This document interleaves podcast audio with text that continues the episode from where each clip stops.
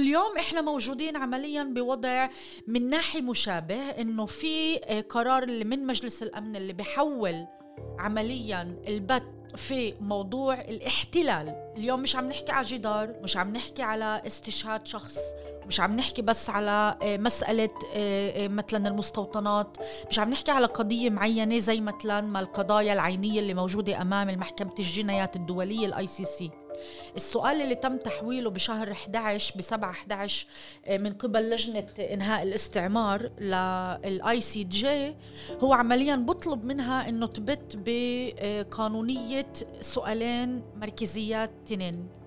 الأول هو قديش مدى تأثير أعمال وأفعال إسرائيل آه، آه، كاحتلال كدولة محتلة على الحق في تقرير المصير للفلسطينية؟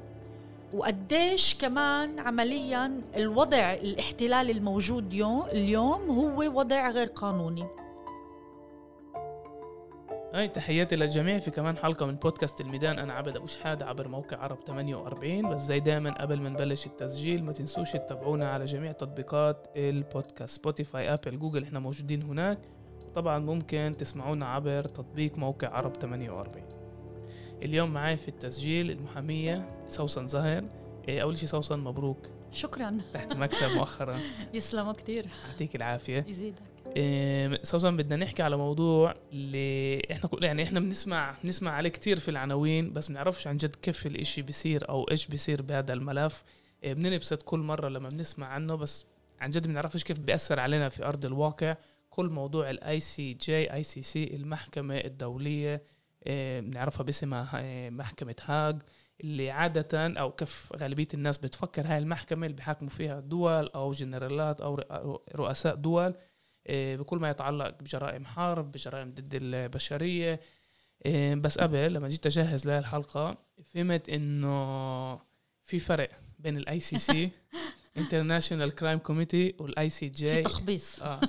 international committee for justice بس اللي صار بالشهر اللي فات 7 11 لجنة decolonization committee لحل الاستعمار في الأمم المتحدة بتمر إلى ال ICJ تطلب منها موقفها من اللي بيصير في الأراضي المحتلة في أراضي 67 في فلسطين إيه، على أساس إنه الاحتلال المفروض يكون مؤقت بس من ال 67 لليوم واضح إنه الإشي مش مؤقت وبطلبوا منهم رأيكم. هذا القرار بيمسك العناوين بس.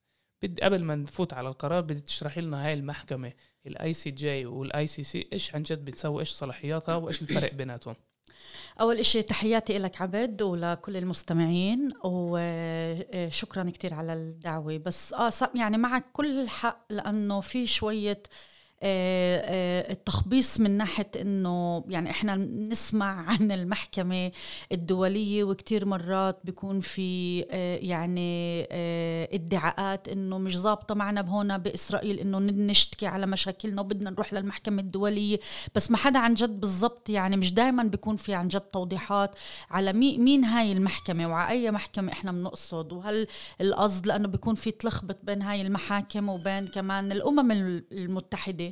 آه، فتعال شوي نطلع من حيفا ناخذ طيارة ونروح على لاهاي أوكي؟ لاهاي هي مدينة بهولندا اللي فيها محكمتين دوليتين. المحكمة الأولى هي محكمة العدل الدولية ال ICJ أو ال international court of justice والمحكمة الثانية هي محكمة الجنايات الدولية ICC أو international criminal court هدول محكمتين اللي هن الدوليات مزبوط بالفعل والتنيناتهن آه، بلاهاي بمدينة لاهاي بهولندا ولكن صلاحياتهن مختلفة جدا والإمكانيات تبعت إيش بيقدروا إنهن يعطوا آه، من ناحية ال ال آه، الأوامر تبعتهن مختلفات على الآخر. وإحنا كتير سمعنا عن مش بس بشهر 11 من قبل القرار اللي طلع صدر من قبل آه، لجنة حل الاستعمار آه، بس كنا يعني صلنا تقريبا سنتين أو ثلاثة بنسمع عن قرار المدعي العام في حينه بال 2019 و 2020 لتحويل مسألة فلسطين قضية فلسطين للمحكمة الجنائية الدولية. فاللي صار هو وهيك إنه من قبل سنتين كان في آه، تقديم بلاش قبل سنتين إذا بنرجع شوي لل 2015 2015 من بعد ما تم عمليا اعتراف من قبل عدة دول بالأمم المتحدة إنه فلسطين هي دولة أجت دولة فلسطين عمليا وانضمت لعدة معاهدات دولية اللي كثير من الدول منضمة لها بحساب إنه صار في عندها مكانة معينة آه، في الأمم المتحدة حتى لو مش كدولة مستقلة وإنما كدولة اللي هي معترف فيها من قبل المجتمع الدولي في الأمم المتحدة. ومن بين هاي المعاهدات كانت معاهدة آه، آه، روما اللي صودق عليها بال 1998 وصارت سارية المفعول بال 2002 معاهدة روما هي اللي عمليا بتقول انه الدول اللي منضمة لهي المعاهدة بيقبلوا إنه يعطوا صلاحية للمحكمة الجنايات الدولية إنها تحقق بمخالفات أو جرائم حرب أو بجرائم ضد الإنسانية. آه، والتحقيق هذا هو تحقيق جنائي ل يعني لكل شيء عمليا بيكون في تجميع مستندات وحقائق وأدلة وشهود وكمان سمع يعني بيسمعوا الضحايا وبالآخر بوصلوا زي بأي محكمة جنائية بوصلوا بتم عمليا تقديم لائحة اتهام إذا كان في آه، آه، دلائل. وبالآخر بيكون في آه، حكم آه، اللي هو آه، بيؤدي لأنه هذا هو حكم جنائي اللي هو موجه ضد شخص معين جنرال رئيس دولة اللي أعطى الأوامر وإلى آخره. فمن 2015 فلسطين انضمت لهي المعاهدة ولكن إسرائيل ولا مرة انضمت. وطلبت في حينه دولة فلسطين أنه يتم عمليا البت بأنه يكون في صلاحية تعطى صلاحية لهاي المحكمة أنها تحقق تفتح تحقيق مش تحكم مجرد بس تفتح تحقيق جنائي بجرائم الحرب من قبل إسرائيل في الأراضي الفلسطينية المحتلة. آه، ولكن آه، آه، لأنه كان في إشكالية قانونية إنه هل فلسطين هي دولة مستقلة عندها سيادة مستقلة ولا لا المدعية العامة تبعت المحكمة في حينه حولت هذا السؤال القانوني للمحكمة عشان تبت فيه. هي كانت طبعا بإدعاء إنه آه لازم آه في صلاحية وحتى لو إسرائيل مش ماضية وحتى لو دولة فلسطين هي مش دولة مستقلة وإنما مجرد الاعتراف فيها كدولة من قبل المجتمع الدولي في الأمم المتحدة هذا بنطي صلاحية. من غاد تطورت الأمور. آه، كان في عدة آه، آه، يعني كان في تقديم لآراء خبراء من عدة جمعيات فلسطينية من الضفة من غزة خبراء أكاديميين مع ضد نتذكر كمان المستشار القضائي للحكومة الإسرائيلية طلع كمان موقف ولكن لم يقدم إلى المحكمة لأنه بنعرف أنه إسرائيل رفضت تتعامل مع المحكمة لأنه ما بدها تنطيها شرعنة لأنه إسرائيل مش ماضية وبتعرف طبعا إنه ما بدها تحط أي حدا من الجنرالات أو من الوزراء أو من أي حدا من القائدين في الجيش تحت تحقيق آه، جنائي دولي وما لحد اليوم ما بتعترف أصلا بصلاحية المحكمة. في نهاية المطاف القرار كان إنه في صلاحية للمحكمة إنها تبت النظر وتم تقرير إقرار عمليا لفتح تحقيق جنائي. تغير المدعي صار المدعي اليوم كريم واحد اسمه آه، آه، بريطاني اسمه كريم خان اللي لحد اليوم مش بعده مش مباشر بالتحقيق نفسه. لهاي المحكمة تقدمت كمان من شهر تنين 2021 يعني من وقت هاي التطورات لليوم تقدمت كمان آه، كم شكوى اللي مهم كمان نحكي عنها عشان نوضح للناس وين تم نحكي على المحكمة الجنائية وأنت بنحكي على محكمة العدل. كل موضوع على سبيل المثال آه، استشهاد الصحفية شيرين أبو عاقلة. قبل يومين سمعنا إنه الجزيرة وشفنا كمان إنه قناة الجزيرة مقدمة شكوى للمحكمة الجنائية اللي هي المحكمة اللي أنا عم بحكي عنها. لأنه في إمكانية إنه تتقدم شكاوى على آه، تنفيذ جرائم حرب. وهذا اللي عملته قناة الجزيرة آه، بكل ما يتعلق بتحقيق فتح تحقيق جنائي على استشهاد ومقتل وإعدام حتى الصحفية شيرين أبو عاقلة.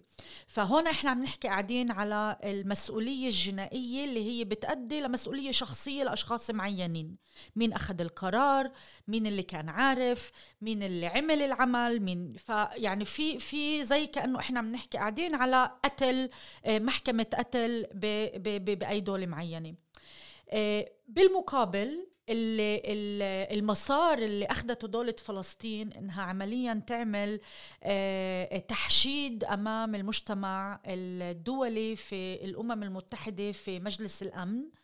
اللي هو أدى لاصدار قرار من مجلس الأمن في 7 11 2022 من قبل لجنة انهاء الاستعمار أو القضاء على الاستعمار اللي فيها عمليا بتهدف لفحص مواضيع تانية مختلفة بالمرة مش مواضيع جنائية وإنما أسئلة قانونية آه، اللي هي من ناحية جافة ولكن من ناحية تانية هي كتير مهمة للواقع آه، تبعنا. وهي مش أول مرة بتم تحويل سؤال قانوني لمحكمة العدل الدولية بقضية اللي هي بتتعلق بفلسطين آه، المرة السابقة كانت لما بال 2003 و2004 لما تم تحويل آه، السؤال على آه، مدى آه، قانونية أو دستورية إقامة جدار الفصل العنصري من قبل إسرائيل بالأراضي الفلسطينية المحتلة.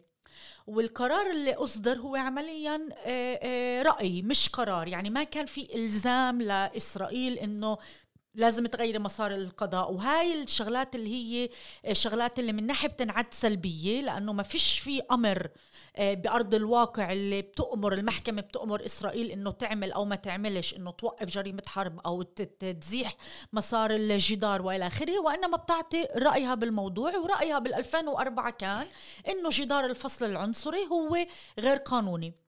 من ناحية نقدر نيجي نقول طيب أوكي يعني شو شو بدها تعمل؟ فيش فيش عندها إمكان فيش عندها أسنان عمليا تعمل ولا أي شيء بس من ناحية تانية بنعرف إنه على المستوى السياسي وعلى أهمية الوزن السياسي اللي موجود لهاي المحكمة نعرف إنه هذا أثر على قرار المحكمة العليا لما بتت هي بحد ذاتها بشكل مستقل بقانونية جدار الفصل العنصري وكانوا عارفين بالمحكمة العليا الإسرائيلية إنه رح يصدر قرار مش لمصلحة دولة إسرائيل. فالمحكمة العليا برئاسة وقتها أهرون القاضي أهرون باراك أصدرت قرار وقالت إحنا بنشوف إنه في إشكالية قانونية آه، آه، بموضوع الجدار. ما قالت إنه إقامة الجدار هو غير قانوني ولكن قالت إنه لازم يكون آه، موجود على إنه فيه إشكاليات بالامتحان النسبي.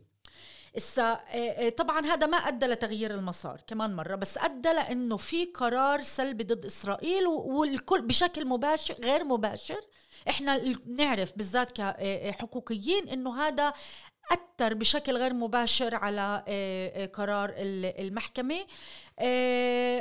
واليوم إحنا موجودين عمليا بوضع من ناحية مشابه إنه في قرار اللي من مجلس الأمن اللي بحول عمليا البت في موضوع الاحتلال. اليوم مش عم نحكي على جدار ومش عم نحكي على استشهاد شخص. مش عم نحكي بس على آه، مسألة آه، آه، مثلا المستوطنات مش عم نحكي على قضية معينة زي مثلا ما القضايا العينية اللي موجودة أمام المحكمة الجنايات الدولية ال ICC السؤال اللي تم تحويله بشهر 11 ب 7 11 من قبل لجنة إنهاء الاستعمار لل ICJ هو عمليا بطلب منها إنه تبت بقانونية سؤالين مركزيات تنين. الأول هو قديش مدى تأثير أعمال وأفعال إسرائيل آه، آه، كاحتلال كدولة محتلة على الحق في تقرير المصير للفلسطينية؟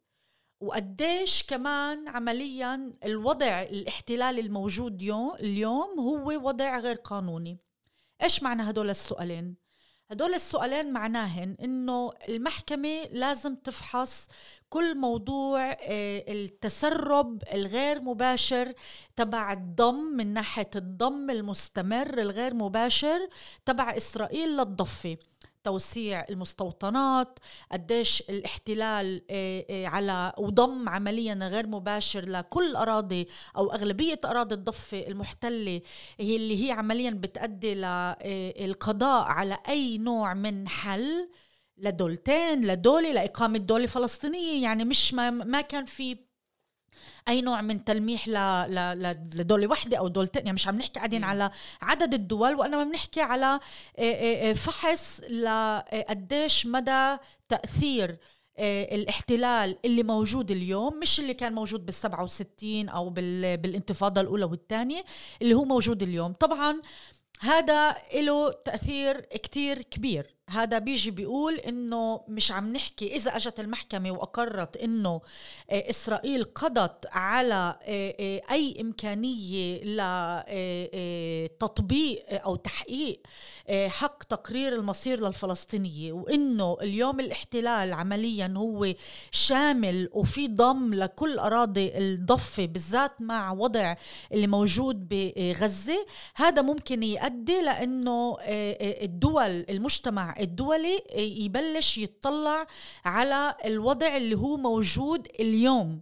لأنه إذا إحنا بنسمع اليوم كثير من الدول بالمرافعات الدولية أو بالتصريحات السياسية تبعتهم الكل بعده موجود كأنه 67 بعده قائم كأنه بعد في مجال لحل دولتين كأنه إسرائيل بس محتل الضفه بدون ما يكون في مستوطنات كأنه في بعد مجال لإنه أصلا آه، يطلعوا من المستوطنات زي ما طلعوا من غزة بوقت 2005 يعني وكأنه تجاهل معين لل ال ال الأرض الواقع الواقع اللي إحنا موجودين فيه اليوم. فهذا هو القرار اللي صدر ب 2000 بشهر 11 وبتأمل إني قدرت شوي أوضح شو الفرق بين الاي سي جي والاي سي سي وبحب كمان بال, بال بكمالة اللقاء تبعنا إنه نحكي على هل بالفعل إلها أهمية وهل بالفعل في هذا هذا هو بالضبط السؤال اللي بدي أسألك. اي حدا بالحركة الوطنية متذكر ال UN resolution 194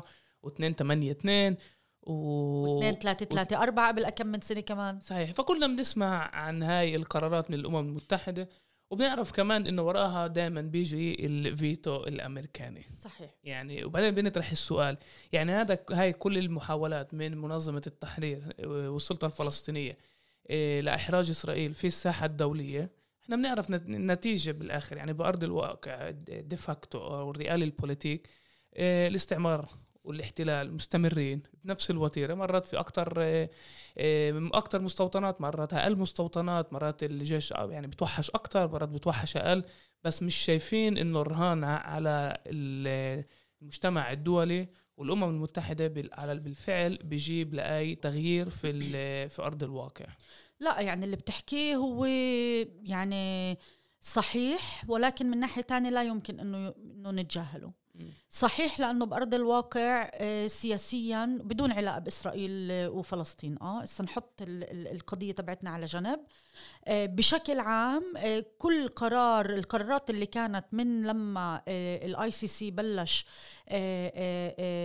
بفتح تحقيقات من 2002 لحد اليوم الوحيدين اللي تم تقديم لوائح اتهام أو إداني هن أشخاص من دول صربيا أوغندا. لا أفريقية أو على فكرة منيح إنك جبت السيرة لأنه بالإضافة للاي سي جي والاي سي سي كان في إقامة لمحكمتين اللي هن عينيات لجرائم آه، حرب آه، آه، اللي انعملوا وحدة ال ICTY بيوغوسلافيا وال ICTR اللي هي برواندا. آه هدول كانوا لدول يعني عينيات اللي هن فتحوا تحقيق تقدمت لوائح اتهام صار في إدانات وانتهى الموضوع. وتسكروا. حاليا المحكمتين هدول الاي سي تي واي والاي سي تي ار هن محاكم اللي أغلقت لأنه خلصت المهمة تبعتهم بس إذا بدي أجي أخذ ال ICC بس ملاحظة يعني بس بالآخر هم قدروا يحكموا ناس. يعني رئيس حكومة صربيا بالفترة حرب يوغوسلافيا بالتسعينات انحكم وانسجن تحت هاي المحكمة الدولية. صح لأنه كان في كمان علاقات ناتو ضد آه، ضد صربيا ويوغوسلافيا وال يعني هذا كمان مجبورين ناخده بال آه، بالحساب. زي ما اليوم كمان في حكي على إنهم بدهم يفتحوا كمان تحقيقات على جرائم روسيا بكروات آسفة بأوكرانيا. آه، كمان لأنه العلاقات القوة تبعت ناتو بريت يعني الدول اللي بناتو والدول اللي بريت ناتو يعني كلياتها بتشتغل بالآخر على علاقات علاقات القوة بين الائتلاف عمليا الدولي والمعارضة الدولية.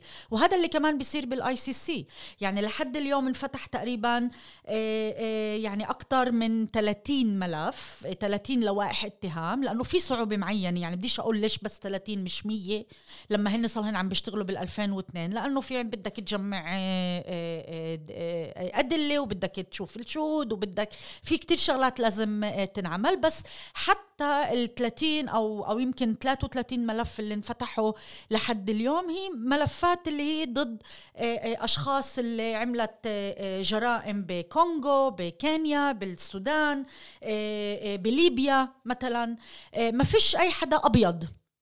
إذا يعني حنحكي على الأبيض والأسود أو أو ال global north وال global south يعني الشمال والجنوب. يعني ما حدا من آه، دول آه، اللي انضمت لناتو حتى لو إحنا بنعرف على كثير من جرائم الحرب مثلا ما حدا من أمريكا حتى لو هي مش منضمة للمعاهده تبعت روما ما كانش في ولا أي قرار اللي هو بيقول مثلا إنه أوكي لازم يكون في مقاضاة للدول الغربية بريطانيا مثلا على سبيل المثال على جرائم الحرب اللي عملتها بأفغانستان بمحلات تانية ونعمل كلنا بنعرف إنه في جرائم حرب بكثير من المحلات في العالم. فمين يكون آه، آه، مقاضى وضد مين يتقدم لائحة اتهام وضد مين يكملوا بهاي لوائح الاتهام هذا قرار إن كتير انكتب عنه بالأكاديمية أنه عم بيكون قاعد قرار, قرار سياسي. وهذا على الأغلب اللي كمان عم بيصير عندنا بالتدخل تبع أمريكا بكل ما يتعلق بأي نوع من تقدم مش بس بقرار ال ICC وإنما كمان بقرارات الأمم المتحدة بشكل عام. يعني إذا بدي أحط ال ICC على جنب كان في كتير آه، آه، لجان تحقيق زي متذكرين لجنة جولدستون مثلا. اللي شكلت 2009 2008 2009 على غزة. وكان في كمان لجنة تحقيق بال 2014 وكان في لجنة تحقيق بال 2018 وبال 2021 فكل هاي اللجان التحقيق كانت بكل آه، استنتاج من استنتاجاتها تطلع وتقول إنه في شك ل آه، آه، لجرائم حرب لتنفيذ جرائم حرب من قبل إسرائيل بالأراضي الفلسطينية. بس ولا مرة الإشي تقدم أكتر من هيك. اليوم إحنا عم نحكي فلما صار في حكي التقدم أكتر إنه لا ال ICC لازم يفتح تحقيق وال ICC قال عنا صلاحية وبعدين قال إنه بدنا نبلش نفتح تحقيق. فصار في تقدم سريع من بعد ما انضمت فلسطين لمعاهدة روما. شفنا بشكل مباشر من آه وقتها كان ترامب بعده موجود آه آه برئاسة الولايات المتحدة. كان تدخل جدا همجي اللي فيه قال إنه القرار هو آه، لا سامي القرار هو ضد إسرائيل. طبعا بدون توضيح ليه آه بدون لأنه إحنا مجرد يجوا يقولوا لا سامي خلص إنه الكل بيرفع إيده. ومش بس هيك آه، طلب عمليا أصدر أمر بطرد آه، وعدم التعاون مع أي شخص من طاقم المحكمة. بايدن ما ما يعني كمان بايدن يعني عنده يعني إشكاليات وتهجمات بس بطريقة أقل همجيه ولكن المبدأ موجود. حتى إذا بدي أجي آخذ مثال عيني للحالة تبعت آه، الشهيدة آه، شيرين أبو عاقلة. يعني إحنا بنشوف إنه كان في آه، محاولات من أمريكا إنه يجوا يقولوا اسمعوا إحنا إحنا خلينا إحنا بنعمل تحقيق. ولأنه هي مواطنة أمريكانية مش بس فلسطينية. وعملنا تحقيق أخذنا الرصاصة أعطيناها للإسرائيلية. وبس إحنا ما قدرناش نوصل لاستنتاج واضح إنه هاي الرصاصة هي طلعت من قبل جندي إسرائيلي ولكن في شك إنه آه. طب هذا مجرد التدخل أو المحاولة انهن يقولوا ايانا عملنا ايانا تدخلنا بس ما قدرناش نوصل لإيش اللي هو واضح. هذا أنا حسب رأيي كان محاولة من الأمريكان إنه يجوا يقولوا ايانا إحنا عملنا تحقيق وعشان هيك المحكمة ال ICC مش لازم تتدخل. لأنه هن ما بدهن أي نوع من تدخل من ال ICC لمحاكمة أو للتحقيق ضد إسرائيل. هذا التفاهم اللي هو موجود تفاهم تاريخي اللي كل الوقت كان موجود واللي على الأغلب رح يضل موجود ولكن بضل لما أنا قلت ممنوع نتجاهل الوضع بضل لأنه كل تطور آه، أو خطوة بتيجي من المجتمع الدولي ضد إسرائيل محاولة لفضح ولا إحراج هو بيكون عمليا قرار اللي بعطي تقوية وتعزيز للقضية مش مهم من أي جهة إحنا عم نطلع عليها. تعرفي أساسا كنت أسمع آه، تقرير الجزيرة عن القرار وطلعت ال rapporteur فرانشيسكا ألبانيز. الب... صحيح ألبانيز. بتأمل بحاجة يعني لفظت آه، آه. اسمها صح. آه إيه، وبلشت تشرح إيش موقفها كان من هذا القرار وأنا استغربت من المصطلحات اللي استعملتهم. إنه بتعرف الواقع كحالة استعمارية. صحيح. إنه settler colonialism صح. وكمان هي اتهموها باللاسميه وردت بشكل جدا صريح بقلب ما ينفعش يعني كل مرة في نقد على سياسات إسرائيل تتحول لتهمه باللاسميه برأيك يعني هل في تغيير في المجتمع الدولي بال بتعاملهم مع إسرائيل؟ وبحكيها بسياق إنه طلعوا ثلاث تقارير جدا مهمة. صح صح. هيومن رايتس واتش كمان أمنستي. امنستي وبتسالم اللي بوصفوا كل والحق طلع قبل أسبوع كمان. آه. مع ما طبعا آه مع ائتلاف الجمعيات الفلسطينية كلياتهم. صحيح اللي بيشوفوا إنه من النهر للبحر في نظام ابارتهايد هل برأيك في بال... يعني حتى بالمجتمع الدولي بالأمم المتحدة يعني تغيير النبرة تجاه آه، إسرائيل وكيف هي بتمارس الاستعمار وال... والأدوات الموجودة في مناطق 67 طبعا يعني أول إشي اللي اللي حكته فرانشيسكا البنيز المقرره الخاصه للأراضي المحتلة هو عمليا آه، آه، يعني كمان خطوة منطقية آه، وضرورية للسيروره كاملة اللي عمليا أدت اللي, اللي, اللي وصلوا لها جمعيات المؤسسات المدنية إن كان المحلية وإن كان الدولية اللي هي أعطت إمكانية مصداقية ل ل- لاستعمال كلمة أبارتهايد اللي ما كانتش مستعملة بشكل رسمي مم. قبل أو استعمار اللي كمان ما كانش مستعمل قبل كنا نستعمله طبعا يعني بال- بالحد بالحديث بيناتنا أو آه، بالتحاليل السياسية القانونية الفلسفية آه، السوسيولوجية وإلى آخره. بس إحنا عم نحكي قاعدين على مدى استعمال هاي المصطلحات من قبل آه، يعني الأمم المتحدة خلينا نقول يعني آه. أهم مؤسسه من أهم مؤسسات العالم. من أهم المؤسسات بالضبط الدولية. ال- الأمم المتحدة عند في في معاهدات دولية اللي الدول ماضيه عليها منها المعاهدة للقضاء على كل أشكال التمييز. هاي معاهدات اللي هي بتتعلق بمجال حقوق الإنسان مش مجال ال- القانون الدولي والقانون الحرب. آه، وإسرائيل ماضية على هاي المعاهدة. وكل أربع سنين في لجنة اللي هي بتفحص مدى تطبيق الدول اللي ماضية على ال- ال- البنود. يعني ممنوع التمييز لازم يكون في تطبيق للحقوق المدنية والسياسية والاجتماعية. بدون ولا أي تمييز على أساس عرقي إثني لغة دين آه، جندر آه، آه، وكل هاي الأمور. وكان في حينه دور إسرائيل إنه ينعرض موقفها ومدى تطبيقها لهاي المعاهدة. منع التمييز آه؟ وهاي آه، اللجنة أصدرت استنتاجها من بعد ما بتت بتقرير إسرائيل آه، والردود على هذا التقرير أصدرت استنتاجها بش بشهر 10 أو 11 2019 ولأول مرة أجت قالت إنه سياسات إسرائيل تشكل سياسة عنصرية ممنهجة. هاي ال- المعاني أو هاي الكلمات هي عمليا بتقول إنه هذا بشكل ابارتهايد لأنه الابارتهايد التعريف التعريف تبعه الأساسي هو إنه في سياسة عنصرية ممنهجة ممأسسة آه ومقصودة بشكل مستمر من مجموعة آه، إثنية آه، آه، قومية معينة ضد مجموعة إثنية وقومية تانية. فهذا كان أول تلميح إنه عمليا هن عم ببلشوا يقبلوا الاستعمال هاي المصطلحات.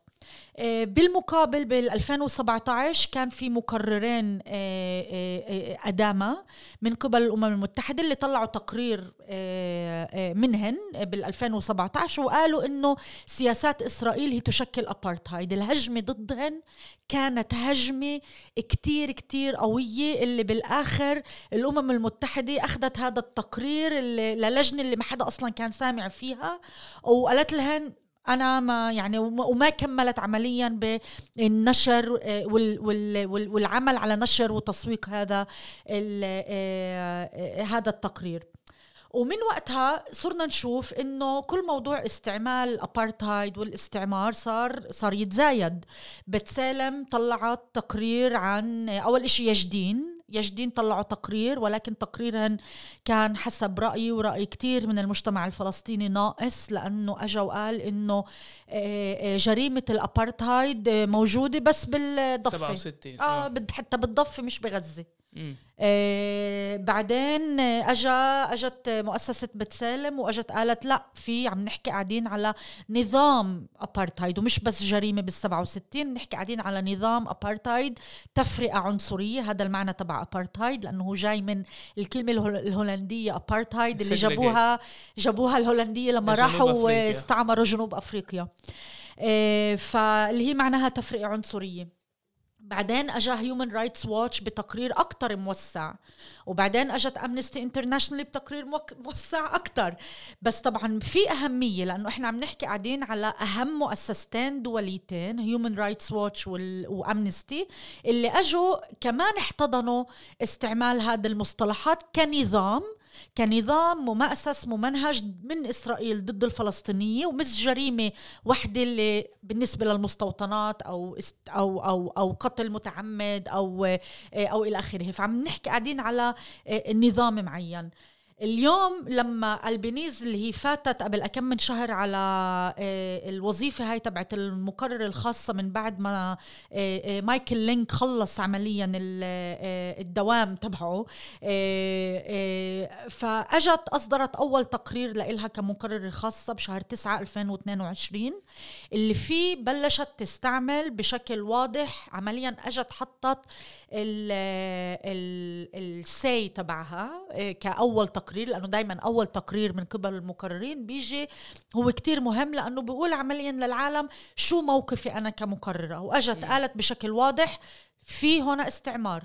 وفي ابارتهايد كان في عندها شوية تحفظات على آه، آه، ليش الابارتهايد هو مش بس بال 67 آه بس هذا يعني كان وطلع عليها هجمة طبعا كتير كبيرة. بس أي شخص بده يتعين وبده ياخذ عمليا هذا هذا المقام تبع مقرر خاص كل الوقت. تاريخيا كان يطلع عليه تهجمات من قبل إسرائيل إنه آه هو مميز للفلسطينية إنه هو لا سامي إنه هو بيطلعش على آه الجهتين. ومن ناحية ثانية إسرائيل على كل مدار السنين كانت ترفض إن كان مع المقررين الخاصين وإن كان مع لجان التحقيق تاعون الأمم المتحدة كانت كل الوقت ترفض إنها تتعاون. ترفض تتعاون إيش معناه؟ ترفض تتعاون معناه إنها تمنع دخول المقررين أو المحققين للأراضي الفلسطينية المحتلة. تمنعهم يفوتوا على غزة على سبيل المثال. وإذا منعوا يفوتوا على غزة ما بيقدروش يحكوا مع شهود عيان. ما بيقدروش يفحصوا الأدلة. فلأقولهن طرق خاصة إنهن يقعدوا بعمان والمجتمع المدني يروح عندهن مع الشهود تاعونهن والضحايا ويعطوا غاد ال ال الشهادات تبعتهن عشان يقدروا يطلعوا التقارير. بس شو ما عملوا يعني طبعا رح يكون في تهجم من قبل إسرائيل آه، آه، وأمريكا طبعا ضد أي قرار آه، اللي بيطلع أو أي تقرير. يعني مش حتى لو مش قرار. عزيزي لي أحضر مناورة بجامعة كولومبيا اللي كان هي مبنية من مختصين من عالم القانون يجوا يسألوا هاي الأسئلة. يعني هل ممكن بالفعل ال ICC يحاكم إسرائيل على أساس جرائم ضد البشرية أو جرائم, جرائم حرب. حرب فكان في عدة آه، وجهات نظر. واحد من المحاميين اللي رفض رافض كان رافض الفكرة رفضها على بادعاء إنه إسرائيل دولة متطورة في عندها محكمة كتير قوية محكمة العليا تعتبر محكمة اللي في عندها شرعية بالعالم بالأكاديميا آه، أهرون باراك عنده اسم كتير قوي بال ما بين القضاء في العالم. وإسرائيل بت يعني بتعرف تطلع على حالها آه، ما يسمى لجان فحص بحال إذا كان في آه، تهمة تهمة جريمة حرب. ولكن شايفين إحنا بالسنين الأخيرة بالذات بعد الانتخابات الأخيرة اليمين نزل يقود لثورة بالمحكمة. المحكمة العليا بده يغير طريقة توظيف القضاء. واضح كمان إنه القضاء شوي شوي بيصيروا أكثر وأكثر يمنيين بسبب التعيينات وبسبب ميزان القوة الموجود. برأيك لما المحكمة العليا في إسرائيل بالفعل تتحول لمحكمة أكتر يمنية وبالفعل ما بتقدر أكتر تقود أو بتضيع شرعيتها في الساحة الدولية آه، شرعية اللي بتقول إنه هي جسم إنه هذا جسم مهني وبتتحول لجسم أكثر سياسي؟ باعتقادك هذا راح يضعف إسرائيل بالساحة الدولية بكل ما يتعلق في التهم لجرائم الحرب؟ إيه بتأمل سؤالي واضح لا سؤالك كتير واضح بس آه، يعني في يعني بدي أنا أوضح إيش أنا يعني أنا متواجده كثير وبترافع كثير أمام المحكمة العليا ب ب يعني كمان من آه، طبيعة شغلي كيف كان بعدالة وكمان بعد عدالة بس إنه اللي بدي أصححه بطريقة آه، طرح هذا السؤال هو إنه كالتالي المحكمة العليا ولا الإسرائيلية ولا مرة بالنسبة للعرب بنفعش نطلع عليها إنه هي رح تكون أكتر يمينية أو أكتر محافظة الحديث عن محافظ عن محكمة محافظة أكتر يمينية أكتر أو ليبرالية أكتر هو أكتر آه، حديث اللي هو للإسرائيلية مش للعرب ليه؟ لأنه بكل ما يتعلق بقضايا الاحتلال المحكمة الإسرائيلية آه، آه، نادرا ما تدخلت بقرارات أجهزة الأمن الإسرائيلية. وعلى الأغلب كانت ترفض الالتماسات اللي هي بتتعلق بكل يعني أعطيك مثال. ترفض تتدخل أو يعني ترفض مش بس تتدخل بترفض آه بترفض تتدخل وبت بت بتقرر ضد الفلسطينية إن كان بهدم البيوت إن كان باحتجاز الجثمين إن كان بقضايا الأسرة إن الأسرى السياسيين طبعا إن كان بلم الشمل. يعني قبل كم من يوم آه، ترافعت آه، أنا وزملاء لإلي من مؤسسات تانية بأهم وأكثر قضايا عنصرية ضد الفلسطينية اللي هو منع دخول الفلسطينية لإسرائيل لهدف آه، لم شمل. مرتين بجولتين دستوريات تنتين بال 2006 و2012 واليوم إحنا بالجولة الثالثة المحكمة رفضت وشكلها كمان للأسف رح ترفض تتدخل. آه، لما هي بتطلع على كل الفلسطينية كأنه هن آه، عدو إنه هن تهديد أمني. وإن كان بقضايا الطرد إن كان بقضايا سحب الهوية والجنسيات إن كان بقضايا تغيير المسكن أو تحديد المسكن إن كان بقضايا الاستيطان توسيع المستوطنات. فهذا من ناحية يعني ولا مرة المحكمة كانت مع الفلسطينية نقول إنه هي ليبرالية. وبالنسبة بس يعني بالنسبة لل 48 كمان ولا مرة كان في اعتراف من قبل المحكمة العليا على مكانة المواطنين العرب كمواطنين اللي هن تابعين لأقلية جمعية يعني ما كان في اعتراف للحقوق الجمعية تبعتين وإنما كان التدخل بحالات اللي بتتعلق ب تمييز على أساس فردي آه؟ بس مش على أساس آه، آه، جماعي مثلا. مش إنه في إلهن مكانة خاصة. وبدي أنطي بدي أنطي مثال قانون القومية. م. المحكمة العليا رفضت إنه تتدخل بقانون الأساس القومية أو دولة إسرائيل اللي هي يعني دولة الشعب اليهودي. لما إحنا بنعرف إنه هذا القانون الأساس عمل إقصاء كامل أول شيء لمبدأ المساواة للاعتراف بالفلسطينية أول شيء الحكي عن الفلسطينية. فعشان هيك آه، آه، ما بنقدرش نقول إنه هي يمنيه أكثر كل الوقت كانت يمنيه بقضايا العرب. بال 48 بال 67 الفرق الفرق هو إنه كانت تعمل الإشي آه، بطريقة سلسة قانونية مفلسفة أكثر من إسا. يعني, يعني اللي بيقرأ القرارات بقول واو. يعني هذا هذا السؤال. يعني المحكمة القضاء بالاسرائيليين والمحكمة العليا اكاديميا يعني هارون برك في العالم القانون مش بس على مستوى محلي. آه طبعا هو محترم أكثر ولكن قراراته زي لا قرار يعني مش رح يكون اختلاف اليوم عن قرارات قبل. يعني ما كان يسمح إنه يتدخل ب آه، آه، على بشكل عام. آه كان في حالتين أو ثلاثة بس إنه لا لا صحيح أنا موافق معك بكل التعامل مع الفلسطيني بين إذا كان بال 48 أو بال 67 مش رح نشوف هالفرق.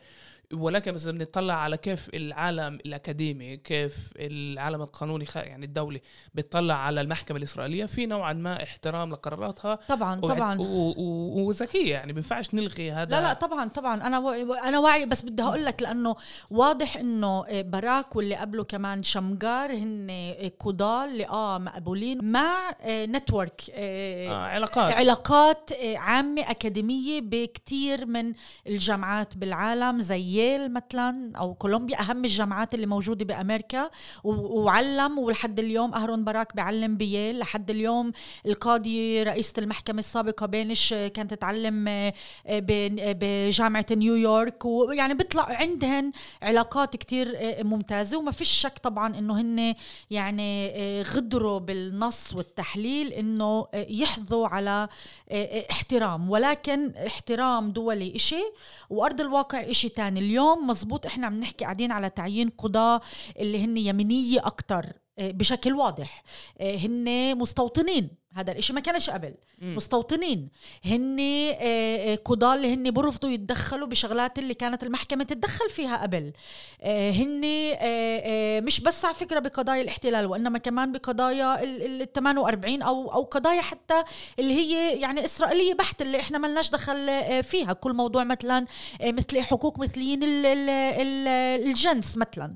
فهاي شغلات اللي هي طب بالطبع إنه هي رايحة على المحكمة اليمنية أكثر اللي كمان بدي أصححه هو إنه إذا المجتمع الدولي الدولي آه، آه، بده يتدخل آه، رح يتدخل مش لأنه المحكمة ولكن رح يتدخل لأنه بالفعل اليوم بعد الانتخابات يعني إحنا عم نحكي على حكومات اللي هي يمين كل الوقت. حكومات إسرائيل هي حكومات يمين يعني وحتى هاي آخر حكومة كانت من أسوأ حكومات ضد الفلسطينية كلياتنا بنعرف هذا الإشي. واللي بيصير اليوم يوم يوم على استشهاد والتهجمات بالضفه بكثير من المدن والقرى وأراضي الضفة بنشوفه بنسمع عنه كل يوم. إيه، حتى اللي صار كمان بهبة الكرامة بأيار 2001 هذا إشي ما كناش نشوفه قبل وكان في سند كامل من قبل الشرطة والأجهزة وحتى أجهزة المحاكم بالإعتقالات وال وال ولوائح الاتهام والإدانات ضد العرب إيه وسند للمستوطنين والتهجمات اللي عملوها على العرب. هاي شغلات ما كناش نشوفها قبل. فالانتخابات نتائج الانتخابات اللي صارت بس عمليا عم تفضح الأمور أكتر. يعني أنا اليوم شفت الصبح إيه، إيه، خبر على أنه أوروبا بدها توقف التعاون مع شرطة إسرائيل. هذا ما كناش نسمع عنه. عنه آه بس آه مش لأنه في إشي جديد ولا وإنما لأنه اللي طلعوا زي بنكفير وسموتريتش وآفي معوز هذا اللي لسه بدهم يعينوه مسؤول على البرامج آه، على برامج بوزارة التعليم. هدول كلهن على الملأ وبشكل واضح بيقول إحنا أصحاب الأرض وإحنا بدنا نعمل اللي بدنا إياه. كمان قبل كانوا عارفين إنه أصحاب الأرض. في قانون القومية مرقوه بس مش ما كانوش يقولوها بالطريقة الهمجية الواضحة اللي اليوم إحنا موجودين آه، فيها. ف آه، يعني نستنى نشوف شو أي نوع تدخل إذا إذا بيكون عندهن الشجاعة أصلا إنهن عن جد يتدخلوا. سوسن قبل ما ننهي آه، سؤال أخير. بما إنك كمان ذكرتي هبه الكرامة. بتذكر خلال أحداث أيار حبة الكرامة ب 2021 اعتقلوا شباب من يافا. إحنا كلجنة طوارئ كنا نروح على المحاكم. وقف شرطي قبال الحاكم وقال له إحنا بدول بدولة إسرائيل مش رح نسمح لأي حدا يعتدي على أي مواطن يهودي. وأنا تفاجأت إنه هيك شيء بينحكى بمحكمة اللي بتعتبر حالها محكمة ديمقراطية لأنه لو لو قال بيسمحش لأي حدا يعتدي على على أي حدا. أي شرعي. ولكن يعني كان في توضيح والقاضي ما اعطاش ما اعطاش أي ملاحظة. إيه، بس كمان خلال هبة أيار طلعنا بشعار بدنا تدخل المجتمع الدولي. هل باعتقادك في مع كل القرارات اللي بتصير مع كل التغيرات بالأمم المتحدة وتغير المصطلحات وبيشوفوا إنه إحنا موجودين كلنا في نظام ابارتهايد رح نشوف بالسنين القريبة بالفعل الأمم المتحدة بتتدخل بكل ما يتعلق لفلسطينية الداخل. مش بس طلع آه، 67 آه، آه، السؤال هو سؤال بمحله ومهم وكان آه كان في آه قرار آه اللي هو ما كان يعني ما ما صدر مثله من قبل من بعد هبة آه أيار أو هبة الكرامة. آه أول إشي بس بالنسبة لموضوع ال- الشرطة هذا اللي حكيت عنه يعني أنا كل الوقت بالمقابلات وبال بال يعني بالندوات اللي اشتركت فيها آه، بال- بالهبة يعني أنا بالنسبة إلي ولكتار كان واضح إنه قانون ال- القومية أعطى شرعنة للعنصرية. الهمجية إنها تقدر إنها تعطي آه، يعني ظهر للمستوطنين ولليمين المتطرف انهم يطلعوا ويعملوا كل اللي عملوه وإنه الشرطة تعطيها سند والمحكمة تعطي سند للشرطة يعني هذا ما فيش شك إنه يعني في إشي مش عم نحكي قاعدين على أشخاص عنصريين عم نحكي قاعدين على مؤسسة. مؤسسة. عنصرية هاي اولا ثانيا صح كان في مناداة لتدخل المجتمع الدولي وأنا يعني كنت في حينه آه مع إنه لازم يطلع مناداة من هالشكل آه وقتها طلعت من لجنة ال- المتابعة العليا. هذا أدى لأنه آه، آه، يتم آه، عمليا إقامة لجنة تحقيق من قبل الأمم المتحدة.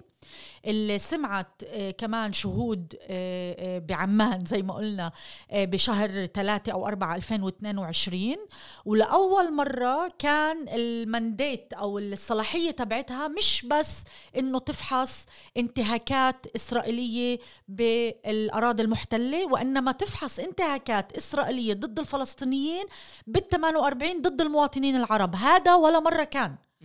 هذا ولا مرة كان. لأنه هذا كمان يعني بيساعد كمان بالتقرير اللي طلع من هاي اللجنة إنه يتبلش يبلش المجتمع الدولي يشوف إنه عم نحكي قاعدين بالفعل على نظام واحد.